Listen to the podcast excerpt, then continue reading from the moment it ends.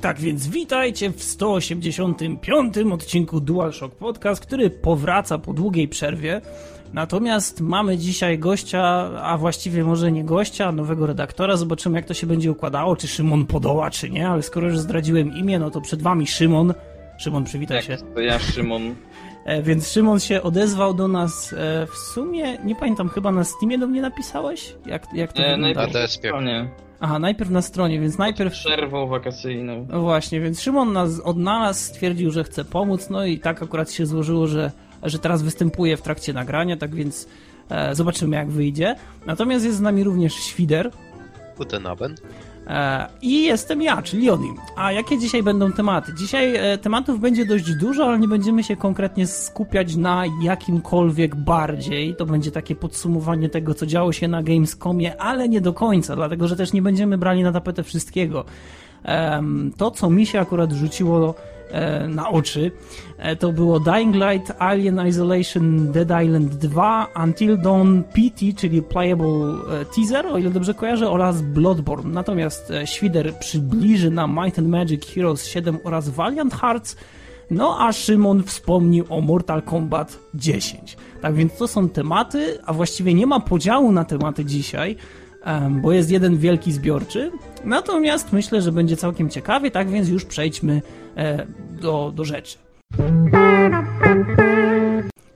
Okej, tak więc zaczynamy od tego pierwszego tematu, który jest tematem jedynym, moim ulubionym i największym, jak to mówił Testowiron. Em, Dying Light. Dying Light ląduje pierwsze na tapecie i muszę się przyznać, że e, spodziewałem się czegoś więcej zdecydowanie i gry zombie na Gamescomie mocno mnie zawiodły. Dying Light oraz Dead Island 2 wypadły bardzo, bardzo słabo i szczerze powiedziawszy myślałem, że będzie zdecydowanie lepiej. Dying Light e, będzie miało po pierwsze dwie bardzo duże mapy i kilka pomniejszych, tak więc gra będzie dość, dość spora. E, Sami deweloperzy mówili, że em, że wypadałoby, to znaczy nie odrzucili jeszcze w ogóle pomysłu na to, iż pojawiłyby się tam jakieś pojazdy.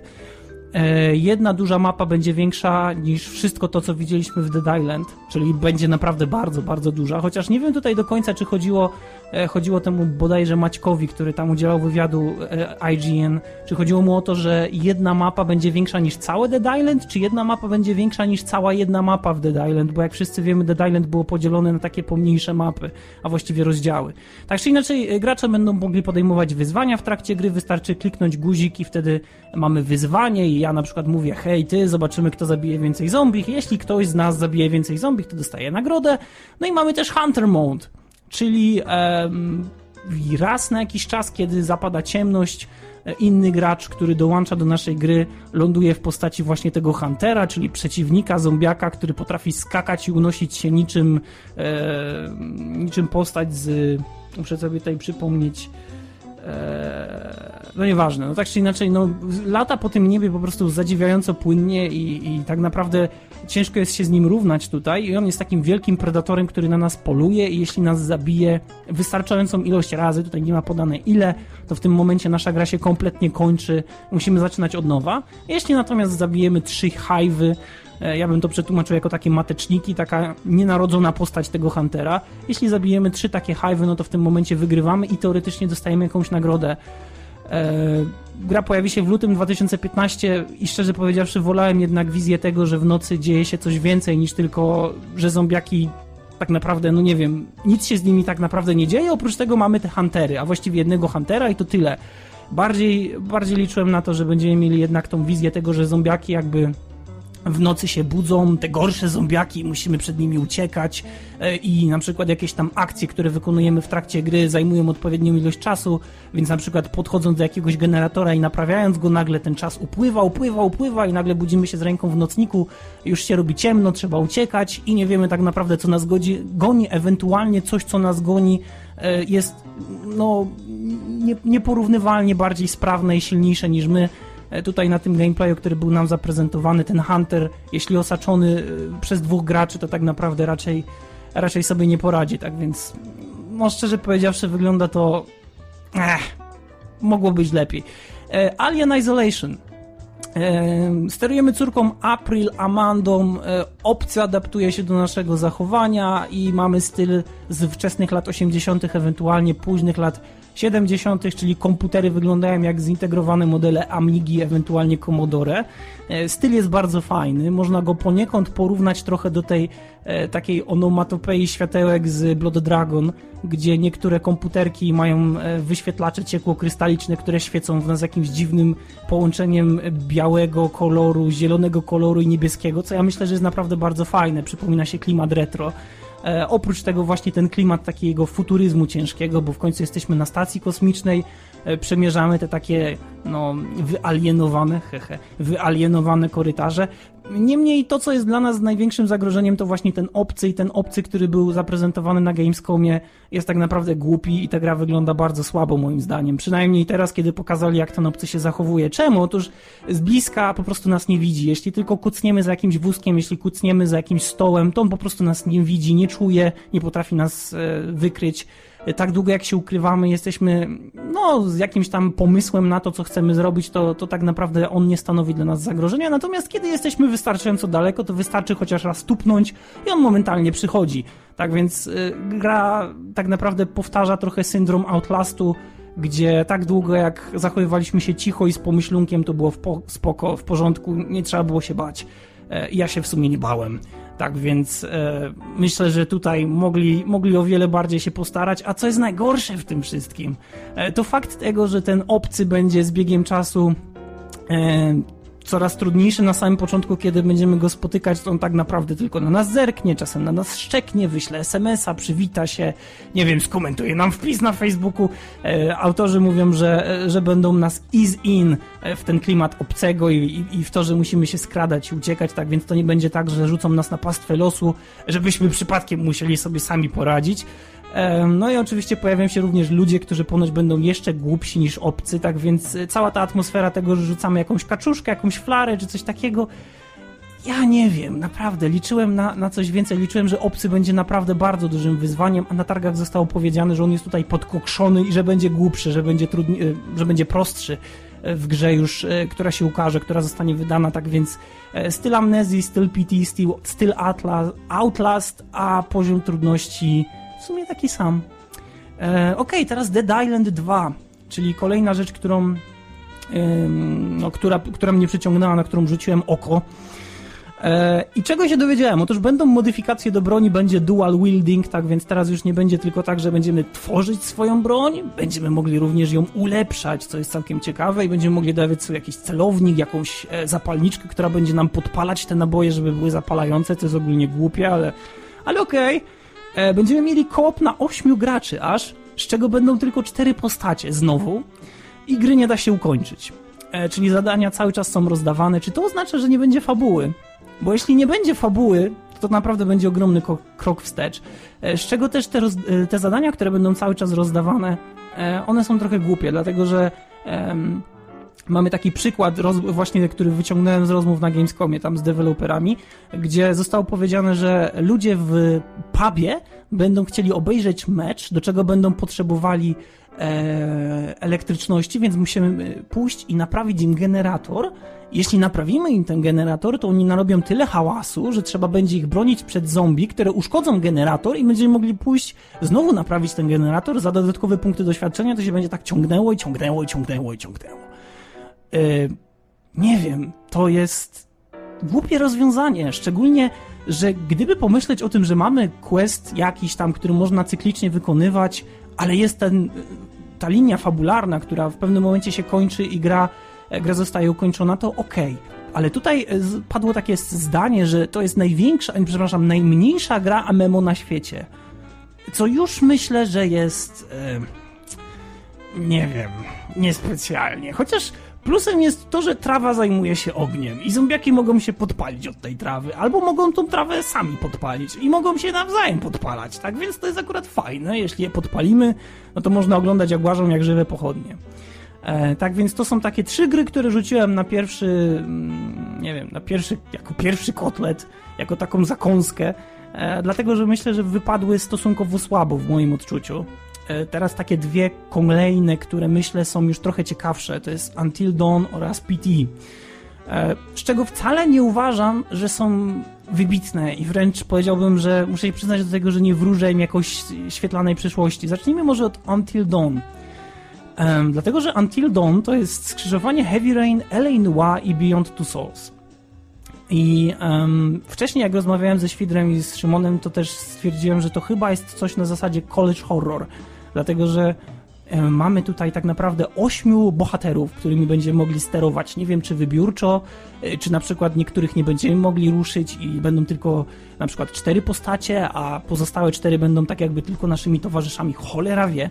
Tak czy inaczej, okazuje się, że znajdujemy się w jakimś domu, E, I w tym domu pojawiają się jacyś psychopaci i będziemy musieli decydować o tym, jak będzie rozwijała się fabuła na zasadzie podejmowania trudnych decyzji.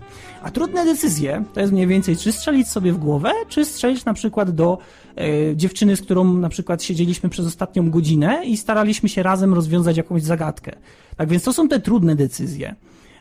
Dlaczego akurat to jest skrzyżowanie Noir? Otóż dlatego, że e, w trakcie, kiedy nikt nas nie łapie, e, nie dusi i nie stawia w takiej pozycji, kiedy musimy siebie zabić, bądź też zabić naszego znajomego, ewentualnie znajomą, to oprócz tego kolekcjonujemy dowody, które starają nam się przybliżyć, co działo się w tej złej posiadłości. E, I oczywiście, standardowo z Noir możemy coś podnieść i zacząć tym obracać. Więc super, możemy to oglądać z każdej strony, fajnie. Dlaczego mówię, że Beyond Two Souls? Dlatego, że rzeczy, na które można kliknąć i które można zobaczyć jest naprawdę niewiele. E, I to wygląda trochę słabo, szczerze powiedziawszy. I myślę, że, że mogłoby wyglądać lepiej, ale nie wygląda. E, a dlaczego Heavy Rain? Um, dlatego, że Heavy Rain tak naprawdę rozpopularyzował ten e, pewien sposób na to, iż pewne postacie mogą trwale zginąć. Tak więc mamy ten taki, taki wielki miks tych trzech gier, przy okazji jeszcze dobrany tutaj ten właśnie typ survivor horror, który niekoniecznie tak naprawdę musi być typem survivor horror, dlatego że mamy co? Mamy quick time eventy e, i ile tak naprawdę nasze decyzje będą miały wpływu na to, jak będzie rozwijał się ten koniec gry, jak będzie wyglądało jej zakończenie. Nie mam pojęcia. E, obawiam się, że niewiele, że to będzie jedna z tego typu gier, którą będzie się kończyło dla paru zakończeń, no i w sumie tyle. Tak więc, e, tak więc tyle. E, I PT. E, to jest coś, co szczerze powiedziawszy mnie zaskoczyło bardzo. Otóż PT to będzie najnowszy Silent Hill. To znaczy, przepraszam, to jest tylko i wyłącznie projekt, ewentualnie prezentacja silnika graficznego, ewentualnie technologię, ewentualnie Hideo Kojima nie mówi więcej, dlatego że to on właśnie teraz będzie odpowiedzialny za serię Silent Hill, a przynajmniej za tą konkretną część. Jeśli ktoś zna dokonania Hideo Kojimy, geniusz, geniusz, to zdaję sobie sprawę z tego, że Hideo Kojima potrafi gry zrobić dobre i potrafi je kompletnie spartolić i ewentualnie e, jakby spojrzeć na jego, na jego całą historię, to tak całkowicie subiektywnie ja muszę się przyznać, że dla mnie osobiście to on cały czas te gry partoli, czyli jest na takim striku swoim, kiedy wszystko psuje. E, I bierze się za Silent Hilla, który już teraz, który już teraz wcale nie jest jakoś genialny, dlatego że poziomem do, do dwójki, do jedynki raczej nie dorasta i z odcinka na odcinek e, ten, ten Silent Hill tak naprawdę robi się coraz dziwniejszy. I, i to jest chyba jego problem. E, ja grałem w Shaded Memories i, i bardzo mi się ten Silent Hill podobał, ale to był taki, można powiedzieć, wyjątek. Wyjątek, który opierał się na czymś zupełnie innym, na zupełnie innym rozwiązaniu gameplayowym i na zupełnie innym spojrzeniu na serię Silent Hill. Czy Hideo Kojima powtórzy to e, jak wyglądał Shaded Memories? Podejrzewam, że nie, dlatego że Hideo Kojima zwykle nie robi nie robi rozwiązań, które są po prostu dobre. On zawsze chce wyeksperymentować, jakoś obrócić coś dookoła i, i, i całkowicie zmienić jego kształt. I też w tym PT było to widoczne, kiedy na przykład wchodziliśmy w tą samą framugę z tymi samymi drzwiami, lądowaliśmy na przykład przy wejściu, wychodząc, e, musieliśmy zrobić kilka kroków do przodu, musieliśmy się obrócić, musieliśmy na coś spojrzeć. Wyglądało to przedziwnie. Teraz, kto jest odpowiedzialny za napisanie scenariusza? E, Guillermo del Toro czyli osoba, która jest odpowiedzialna za pisanie scenariuszy, takich jak na przykład e, scenariusz do filmu Labirynt Fauna, scenariusz do Hellboya 1 i 2 oraz, oraz do Pacific Rim. Jeśli ktoś nie oglądał Ela Ela Under My Umbrella, to tak, to, to ogólnie rzecz biorąc wygląda to naprawdę ciekawie. E, ale co z tego wyjdzie, nie mam najmniejszego pojęcia. Tak więc E, przyjdzie nam jeszcze zobaczyć. Ja osobiście nie chciałbym, żeby Hideo Kojima, Hideo Kojima wkładał swoje przedziwnie zakręcone palce w serię Silent Hill, bo, bo, bo, bo to naprawdę może dziwnie wyjść i, i myślę, że Silent Hill po, potrzebuje powrotu do korzeni, a Hideo Kojima zwykle nie, e, nie jest równoznaczny z powrotem do korzeni, zdecydowanie nie, tak więc um, tak więc tak to wygląda. A teraz e, ostatnia gra, którą chciałem tutaj omówić, czy, czy powiedzieć Bloodborne.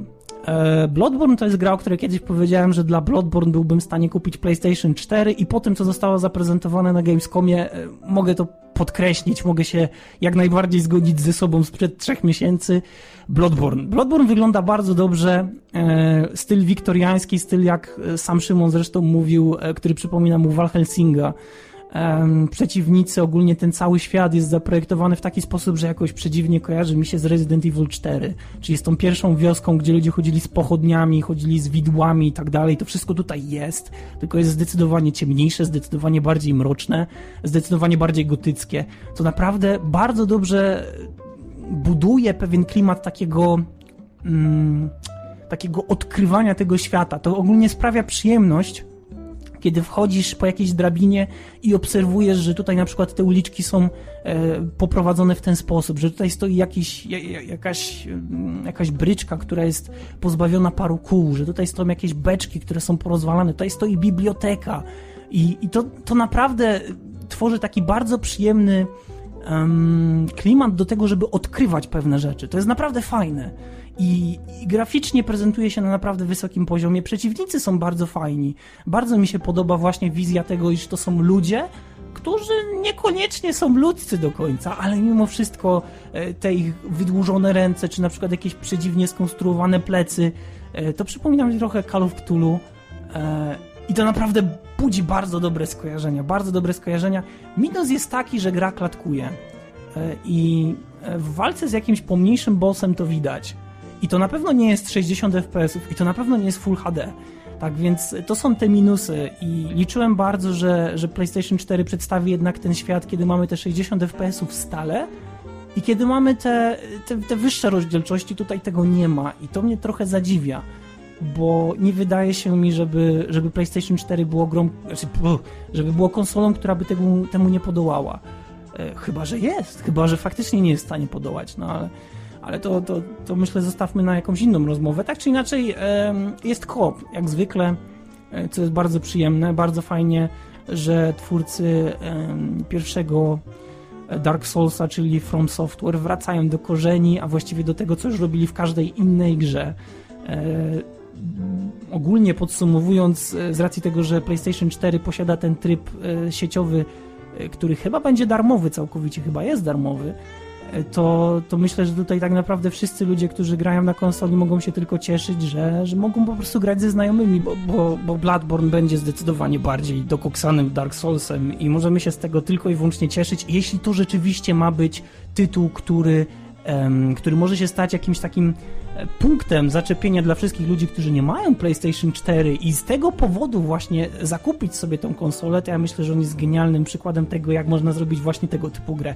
Okej, okay, tak czy inaczej, ja tutaj gadam bardzo dużo, jak zresztą można zauważyć, e, a chciałbym się dowiedzieć, jakie są wasze komentarze właśnie odnośnie tych ile to było? Mm, 5-6 gier. Tych 6 gier, czyli Dying Light, Alien Isolation, Dead Island 2, Until Dawn PT oraz Bloodborne. E, co o nich myślicie, jeśli macie w ogóle jakieś przemyślenia? Okej, okay, to tak pokrótce. Bloodborne? Awesome. Dying Light i Dead Island 2? Another fucking zombie game? No. A od opcji izolatka to raczej takie rozczarowanie. A Until Dawn, no, nie spodziewałem się wiele, bo obawiam się, że będę musiał ratować bohaterów przed ich własną głupotą. No, tak też czasami Czemu? jest, no. No cóż, yy, zaczynając od Dying Light, E, jedna rzecz mi się podoba, którą widzę na screenie. Jest to połączenie młota, jakiejś piły i miotacza ognia, więc jest dobrze. E, o Dead Island i o Island Isolation nie mam jako tako zdania. Natomiast to Until Dawn myślę, że można byłoby tak casualowo w to pograć, ale raczej nie wciągać się za bardzo. No i... Okej. Okay. no, no, dalej. Cię przyciąłem. I o Bloodborne. widzę krew. Krew na chodniku, krew na postaci, krew wszędzie, finishery. Dobrze. Mhm. Tak, bo to jest ogólnie to samo, co mieliśmy dotychczas w Dark Soulsach e, i w Demon Soulsach. Znaczy w Demon Souls.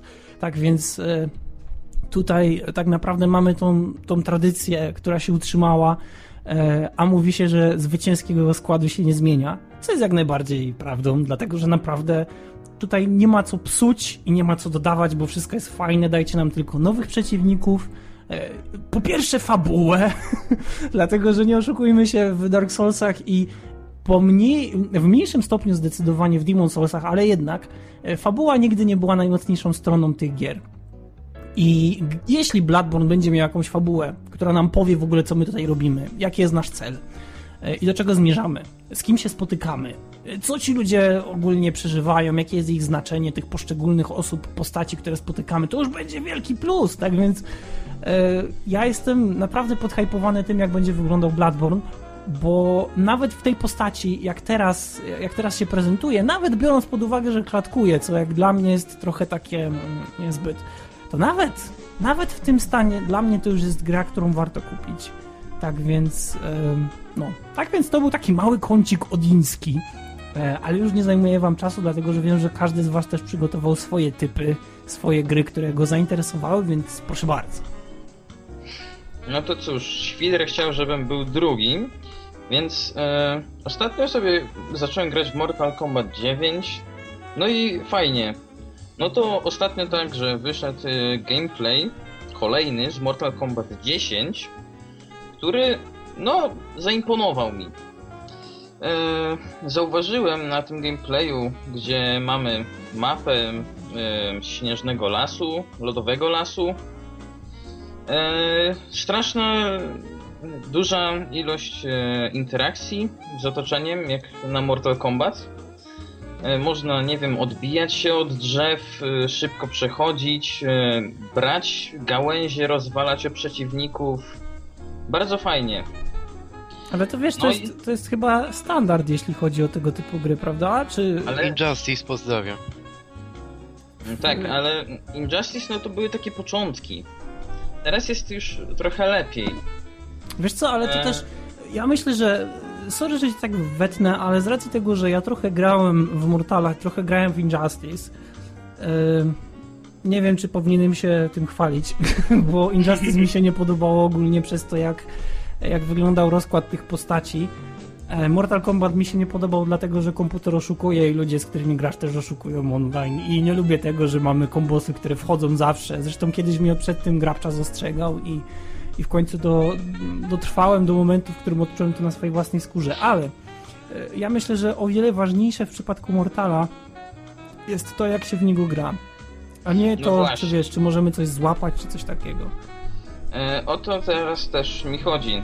E, z tego co zauważyłem, są również e, cały nowy set takich albo i starych, przerobionych ruchów, gdzie na przykład Skorpion zamiast tych takich normalnych teleportów może użyć pomocy piekła, można to nazwać tak, gdzie nie on się teleportuje, tylko na, przychodzi sobie jakiś tam demon. No to jest uderza. chyba Netherrealm, to o czym mówisz. To jest ten świat, no. do którego Skorpion został. No, no mów, mów, mów dalej. Sorry, tak uderza Sub-Zero zamiast niego, jakby ogłusza, potem nagle wychodzi spod Sub-Zero drugi demon, który łapie go za nogi i takim cudem Skorpion może łatwo rozwalić Sub-Zero. Ale to wiesz co, to mi się kojarzy z tym, z, z kombosami, które prezentuje Noob Saibot, a właściwie z ruchami, które prezentuje Noob Saibot. No coś w tym stylu. I teraz e, następna rzecz, tym razem e, o Sub-Zero, gdzie e, e X-Ray, który on ma, wygląda e, pod względem mechaniki strasznie tak samo jak e, X-Ray Johnego Cage'a z Mortal Kombat 9. E, A to jest ogólnie gdzie... ten sam silnik, nie wiem czy zauważyłeś. E, te, te X-Raye to jest dokładnie to samo. Tylko, że oczywiście inna animacja i, i pewnie też tak. jakość grafiki, nie? Ale, ale tak przynajmniej zauważyłem. A grałem w Mortala trochę czasu już, więc tak jakby wiesz, o! O! O, nowa animacja. No, coś takiego. No, chodziło mi o to, że Sub-Zero teraz nie ma takiego e, wbiegnięcia w przeciwnika, tylko zamienia się w bryłę lodu e, i prowokuje drugiego przeciwnika, aby ten go uderzył. I wtedy zaczyna się X-Ray. Mhm. E, na, ty, na gameplayu, który teraz mam przed sobą, w drugiej części jest walka Raidena i Keino. Gdzie e, strasznie mi się podoba wygląd Keino, który no, ma te swoje m, elektroniczne, mechaniczne e, usprawnienia. Ale Kano wygląda trochę jak Superman z tym, z tym możliwością tego strzelania oczami i w ogóle z piersi jak Iron Man. To taki, wiesz, ja nie... Superhero. No, tak, tak, tak naprawdę potężne możliwości mu teraz dali. Ja nie pamiętam, czy, czy w dziewiątce był w stanie robić takie rzeczy. No i e, oglądając od razu e, ten gameplay już z mapy, gdzie jest e, na- ona nazwana dżunglą i pół mapy jest rzeką, a na Raidenie można zobaczyć, co jest bardzo fajne, e, pełzają ciągle błyskawice. I jako, że ja jestem takim fizykiem, to myślę, no kurczę, jest woda, to powinien być jakiś ruch, który pozwoliłby porazić e, drugiego przeciwnika tak, e, no, instant przez wodę. Co, no niestety nie ma tego. No zawiodłem się trochę, ale gra. E, gdzie e, przy Raidenie jeszcze była jedna fajna rzecz. On może tworzyć Takie Kule. nie? Tak. tak, kule błyskawic, które działają tak podobnie jak e, zamrożona forma Sub-Zero, którą przed sobą stawia. Jak przeciwnik w to wejdzie, frizuje się i można go nawalać. E, to Okej. znaczy też on ma coś takiego, że on jak postawi te dwie kulki, one tak jakby się zatrzymują w powietrzu. E, On na jakby je takich, aktywuje. tak, i on je aktywuje i one się. Nie wiem, czy to jest tak, że kiedy ty w nie wlatujesz, to tak czy inaczej cię stunuje. Czy on musi dopiero nacisnąć jakiś tam, jakąś kombinację klawiszy, żeby spowodować, że między tymi kulkami pojawi się taki łuk elektryczny i dopiero jak wlecisz w ten łuk, to coś się dzieje. Nie wiem do końca, jak, jak to będzie wyglądało w praktyce, ale, ale jest całkiem ciekawe, naprawdę. Można sobie tworzyć tak jakby taką, no taką, taką ścianę, tylko pewnie dla postaci, które potrafią się pojawić za twoimi plecami, to nie jest aż takie, aż takie imponujące, ale niemniej całkiem fajne. Ogólnie ja myślę, że Mortalowi zawsze brakowało e, takich ciekawych, e, ciekawych kombinacji, czy ciekawych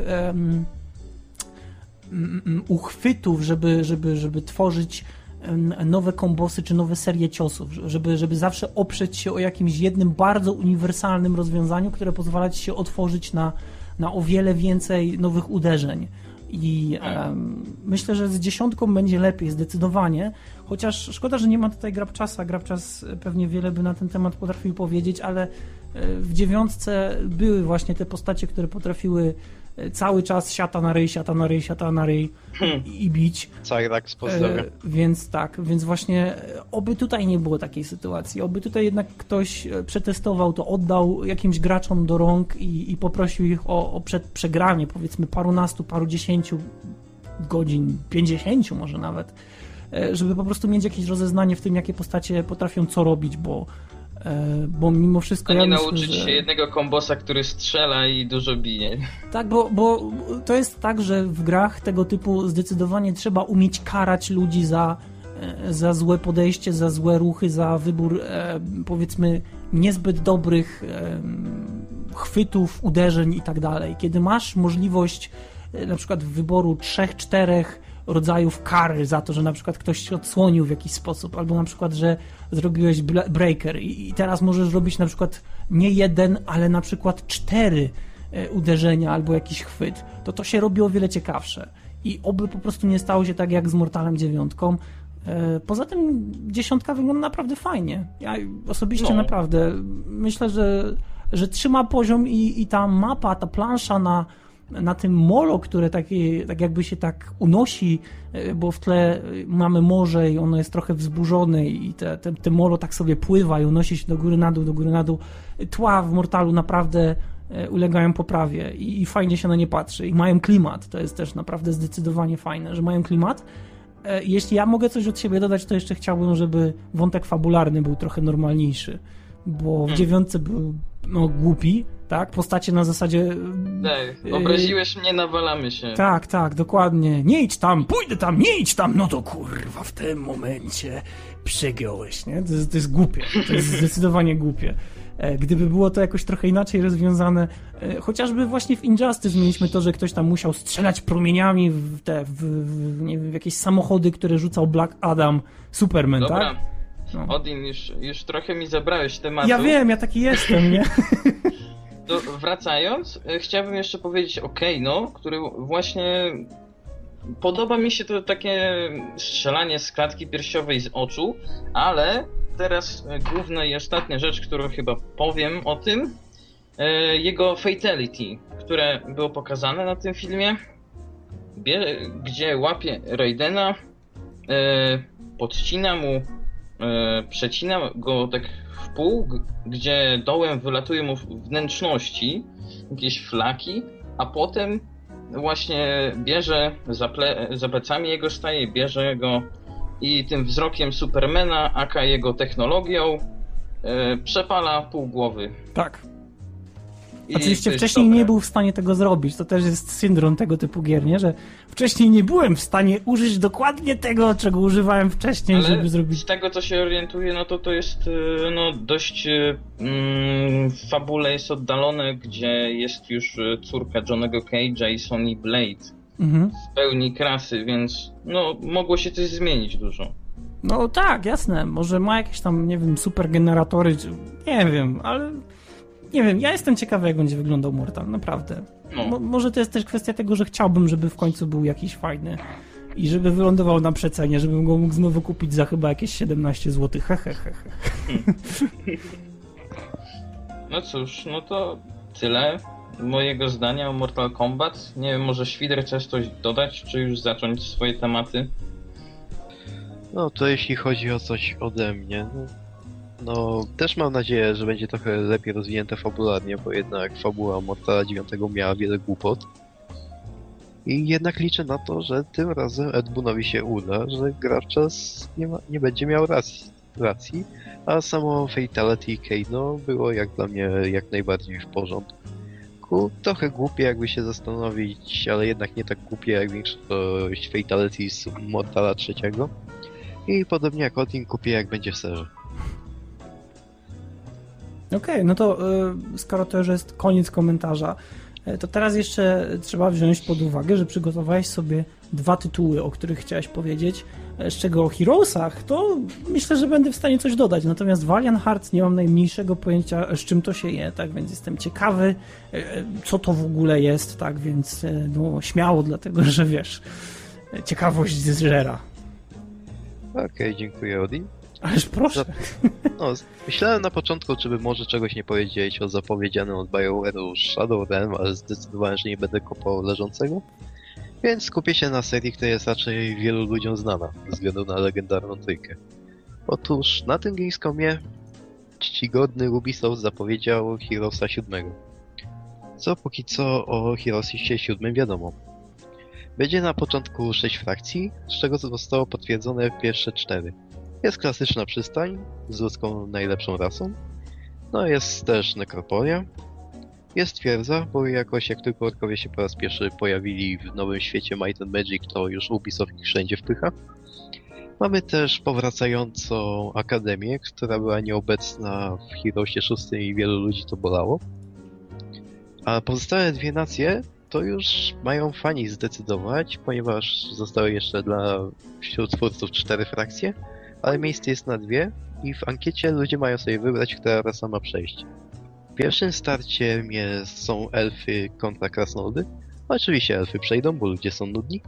A jako drugie starcie zapowiedziane zostało Inferno kontra mroczne elfy. Oczywiście mroczne elfy przejdą, bo ludzie są nudni. Ale nie tylko frakcji ludzi interesują, jakie mamy zmiany w mechanice. Teraz Czy mamy heksagony, czy nadal mamy kwadraciki? Niestety Odin, tendencje kwadratów wciąż idą do przodu. Ale ja tego nie rozumiem. Dlaczego? Jest takie głupie. Nie wiadomo, wygodniej albo niewygodniej, no ale niestety, jeśli jesteś fanem heksagonów, to ci dostaje King's Bounty. Ech. Albo Heroes 3. A, bo Bądź Heroes... cztery chyba, nie pamiętam. Nie, czwórka już była akurat przy kwadratach. O! No więc, więc I jeszcze w takim dziwnym rzucie izometrycznym. Tak, tak, tak, dokładnie. Gdzie, gdzie, gdzie bohater na koniu, kiedy z niego zsiadał, to wygląda jakby przez całe życie miał między nogami hydrant albo coś takiego. Szczególnie rycerz. Mm. Ale wracając do siódmego Heroesa. Siedem, szczęśliwa liczba, może. Ma być. Tak jak nasze osiem- połączenie dzisiaj na Skype'ie, nie? Tak. Takie, takie szczęśliwe. Ma być po 8 jednostek dla odmiany w frakcji, z czego jednak są one podzielone jak w Heroesach szóstych na jednostki core, które mają ją ginąć, na jednostki elitarne, które mają bić i jednostki czempiony, które mają zabijać. Wiadomo, że parę głupich rzeczy, które były w Heroesach szóstych odejdą. Zniknie wybieranie czarów przy awansowaniu bohatera, będziemy mieli norm- powracającą normalną gildię magów z Heroesów nie szóstych. Będziemy, będzie również drzewko rozwoju podobne do Heroesów piątych i o ile Heroesów piątych nie lubię, to uważam, że tamtejsze drzewko było bardzo fajne i podoba również mi się ten kr- krok. Powracają, powraca 7 szczurowców w przeciwieństwie do czterech z Heroesów szóstych. Odpada konwersja miast, jaka była w Heroesach. Te, znika też to, że jak mieliśmy kilka miast danego typu, to w jednym mieście mogliśmy zbierać jednostki z tych wszystkich miast. I zostaje przywrócony model karawany z czwórki i z dodatków do pi- piątki, co również uważam za trafną decyzję. Jednak też szóstki zostaje kontrola terytorium, co mnie ciekawi, bo ponoć ma to zostać zmienione, ale jak? Ktoś kojarzy, jak to wyglądało w szóstce? E, grałem w piątkę, nie podobała mi się. Nie grałem w szóstkę.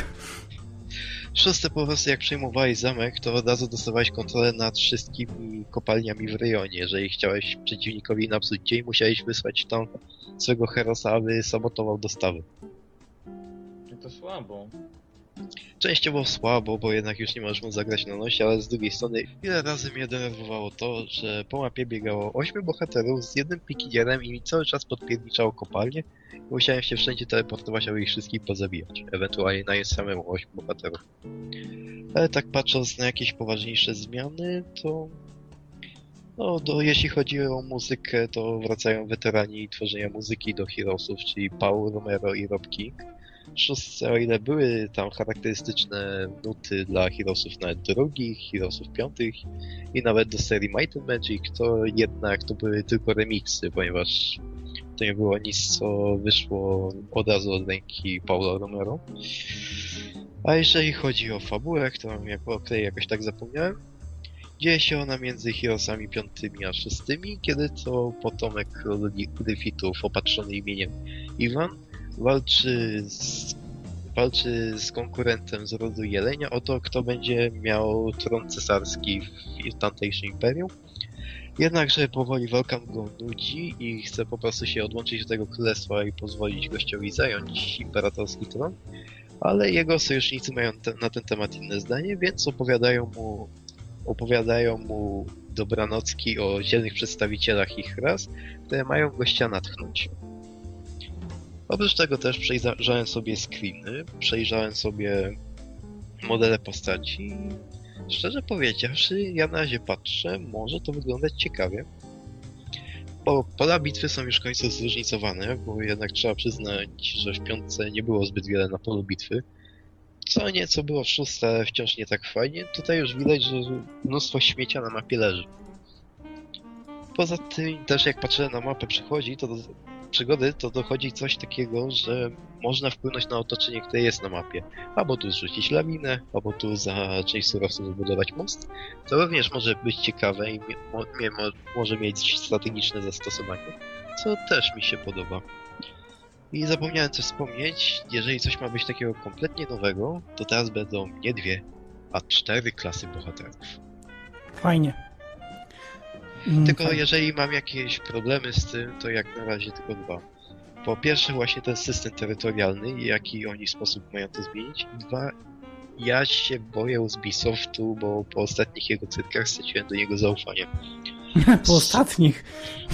Sama, sam Heroes 6 był tego dość niezłym dowodem, bo ja byłem w stanie tolerować Heroesy 7, to miało zadatki na dobrą grę, jednak wiele głupich rzeczy należało naprawić w patchach, tylko że patche raczej te rzeczy psuły. Wydano dwa DLC, które były po prostu dwoma misjami do gry i nic więcej.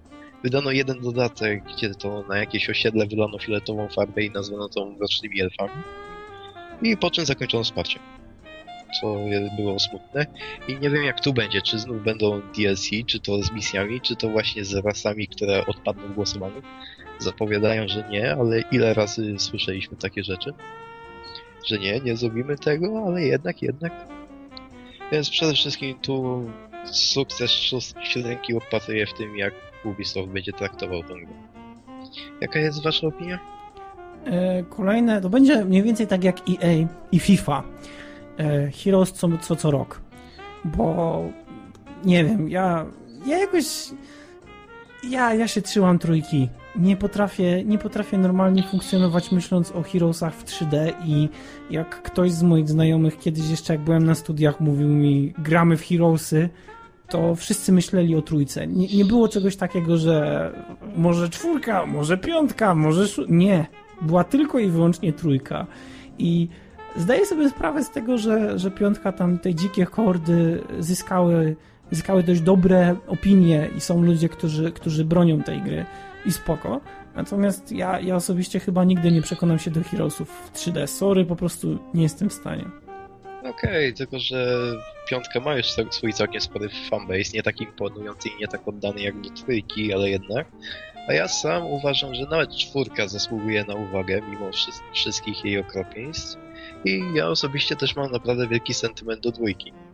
A jedynkę to raczej tam szanuję, bo w czasach, w których wyszła, to raczej niewiele dało się osiągnąć. A grałem w nią. Śmieszne było. Hmm. A o szóstce to już mówiłem. Do piątki podstawka mi nie podeszła przez kompletną zmianę klimatu na cukierkowo-żygliwy, ale po dodatkach, kiedy to zastosowano no, kolejne rozwiązania, które miały swoje które się zaczęły już w Heroesach czwartych, oraz dodano dwie nowe, całkiem ciekawe frakcje, szczególnie orków, którzy mi się naprawdę podobają w tym świecie, to jednak w piąte części po dodatkach da się grać zobaczymy właśnie jak będzie z siódemką. Szymon? Ja myślę, no. Jak będę miał okazję zagrać, no to pewnie zagram, ale nie mam szału na to jakoś za bardzo. Jednak wolę przy tej trójce jak Odin, albo przy piątce Dzikie Hordy. O, mówiłem? Są ludzie, którzy grają w dzikie hordy. No, Tak. Jestem ja grający w Horn of the Abyss. Wciąż. A ja nawet nie potrzebuję. Szczerze, dla mnie e, Armageddon's Blade to jest ostatni dodatek, jakiego trzeba i i jest naprawdę git. Chociaż nie lubię tego zamku tam żywiołów czy żywołaków, bo jest po prostu straszny i, i boli moje oczy. I to chyba była To jest... ostatnia to próba 3DO po prostu, nie wiem, jakoś dania powodu dla ludzi, żeby, żeby kupowali coś. Chyba, nie wiem, ale No wygląda myślę, to że ten. strasznie. Myślę, że ten zamek już był takim wstępem do, cyk- do cukierkowatości. No, ale jest, no, znaczy ja nie A, wiem, czy to był też- wstępem, ale był paskudny, Ale tak jest paskudny. Kolorowy. Jest okropny. Te, te, że dwie rzeczy. Raz ten zamek został zrobiony na kolanie, bo jednak musieli skasować poprzedni zamek, jaki miał się pojawić Armageddon's Blade. Musieli szybko zrobić zamek, który miał się pojawić Shadow of Death. Może gdyby się pojawił, byłby trochę bardziej przemyślany. I dwa, jeszcze wtedy 3DO nie miał takich problemów finansowych. One na dobrą sprawę zaczęły się od Heroesa 4. I Might and Magic 9 czy 8. Ja to nawet nie wiedziałem, widzisz. Ja myślałem, że po trójce 3DO już było po prostu e, w tak tragicznej sytuacji, że, że już nie mogło być gorzej. I, no ale nieważne. No, ale chyba już na razie zostawmy Heroesy, może kiedyś jakoś trochę dokładniej to omówimy, może nie. Ale został jeden temat, który już jest kompletnie niezwiązany z Gamescomem. W sumie bardziej bym powiedział, że to jest taka moja mała recenzja. Mhm. Co to jest w ogóle? To jest tytuł, który pojawił się w lipcu. Nazywa się Valiant Hearts The Great War i opowiada o, o wydarzeniu, które się rozpoczęło w tym roku, to już równe 100 lat temu. Przypada setna rocznica, kiedy to w wyniku śmierci jednego człowieka wybuchła wojna, która pochłonęła miliony, której ludzie, która naprawdę przeraziła ludzi, w trakcie której ludzie już serdecznie mieli dość walki i o której mówiono, że to jest wojna, która zakończy wszystkie wojny na świecie. Jak wyszło, to wiemy, a mowa o I wojnie światowej. Bo jednak pierwsza wojna światowa to jakoś wielkiego sukcesu w grach nie ma. W literaturze na zachodzie bez zmian. W filmach podobnie, film o tym samym tytule, plus kilka innych. Ale czy w grze znamy jakąś grę o pierwszej wojnie? Mm, Call of Duty? Nigdy się nie wydarzyło. Mm, to nie wiem. Była Necrovision w czasach I wojny, ale niezbyt z nią związana. Był kiedyś taki Iron Store, średniowa gra o tym, jak to pierwsza wojna się przeciągnęła i tyle. Stawiam, Tymczas- że jest jakiś RTS. Możesz podpiąć pod to Wiktorię. Chodź. Choć czy Wiktoria pewnie obrazowała to, co tam było, to nie wiem. Trzeba się Iroxa spytać. No, no, Ale- no okej, no, no, no dalej, dalej. Tymczasem jedno małe studio spod szyldu Ubisoftu wydaje owe Valiant Hearts The Great War, która ma być taką ma być grą, która po raz pierwszy na poważnie mówi o I wojnie światowej. Jest to przygodówka point and click, w której w zasadzie kierujemy losami kilku bohaterów. Najważniejszym, którym będziemy kierować najczęściej, jest Emil. Jest to dość stary Francuz, który musiał zostać zaciągnięty do wojska. Kierujemy też Fredim, albo Eddie, nie pamiętam dokładnie. To był Amerykanin, który zaciągnął się do wojska francuskiego jako ochotnik, aby się zemścić za jedną sprawę. Kierujemy też Karlem, Niemcem, który mieszkał we Francji i był zięciem Emila, ale musiał zostać przed wojną deportowanym, a jak przekroczył granicę, to już go czekało wezwanie do wojska. Oraz pokierujemy też Ann, która jest pielęgniarką i większość jej, jej gameplayu jest poświęcona na łatanie rannych. W tej grze bardziej, bardziej od fabuły jest ważniejszy ten wielki obrazek. To co widzimy, to, to jak wojna wygląda, to jak wojna zmienia ludzi, to jak ludzie się zachowują podczas niej i tak dalej, i tak dalej. Ale też w trakcie gry bierzemy udział w takich ważniejszych walkach I wojny światowej. Będziemy patrzeć, jak ludzie się zabijają pod, pod Verdun. Będziemy obserwować, jak po raz pierwszy gaz został użyty w Ypres. Będziemy też mogli sobie pojeździć czołgiem pod sobą, kiedy zostało to użyte. I będziemy też mogli brać udział w wojnach tunelowych. Czyli ogólnie rozpoznamy pierwszą wojnę od podszewki. Audiowizualnie gra prezentuje się świetnie, muzyka dość nieźle dodaje klimatu, a grafika, choć kreskówkowa, świetnie obrazuje czym jest pierwsza wojna światowa, jak ona naprawdę wyniszczała i żołnierzy i cywili, którzy brali w niej udział. Nie zobaczymy drastycznych scen, czyli co dokładniej robił na przykład gaz bojowy z ludźmi, ale jednak dużo krwi, dużo rannych. Naprawdę to są przerażające i smutne widoki. Ponadto, coś co znajdujemy jeszcze w grze, to jest naprawdę dużo informacji hi historycznych. Na początku dostaniemy parę, ale również i w trakcie gry możemy znaleźć pewne przedmioty, które potem będziemy mogli odczytać, czym są te przedmioty, co one znaczyły. Jakieś tam medaliki, jakieś listy żołnierzy do swoich bliskich, jakieś inne tam akcesoria, jakich używano.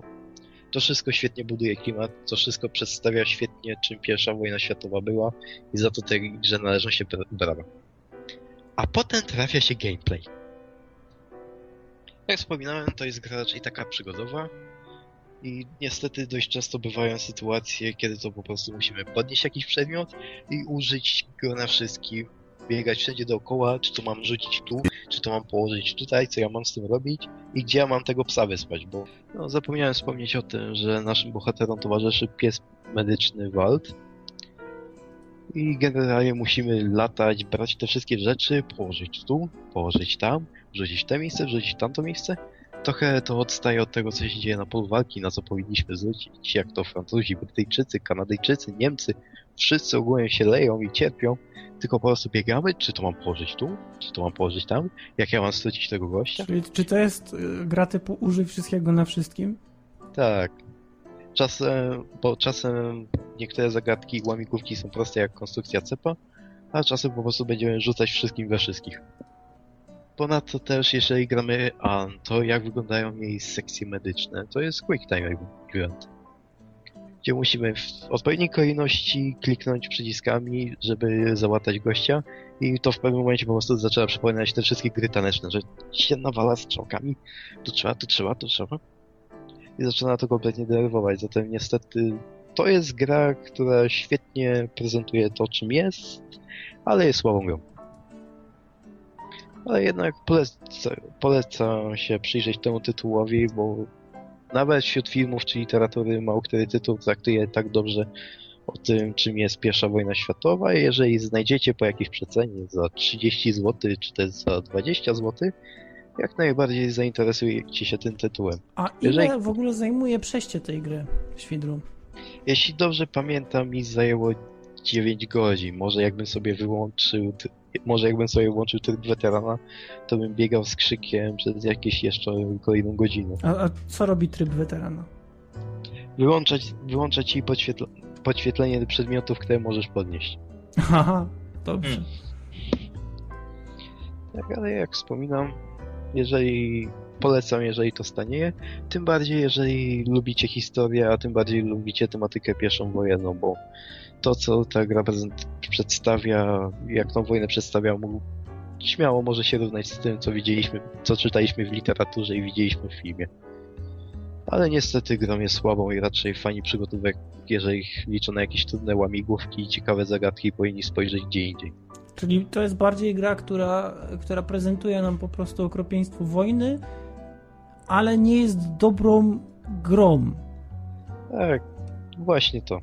Mhm. Nie no, Okej. dla mnie ta gra bardziej się mm, powinna się skupiać na fabule, co właśnie robi. I to mi się bardzo podoba, bo mnie fabuła chwyta za serce.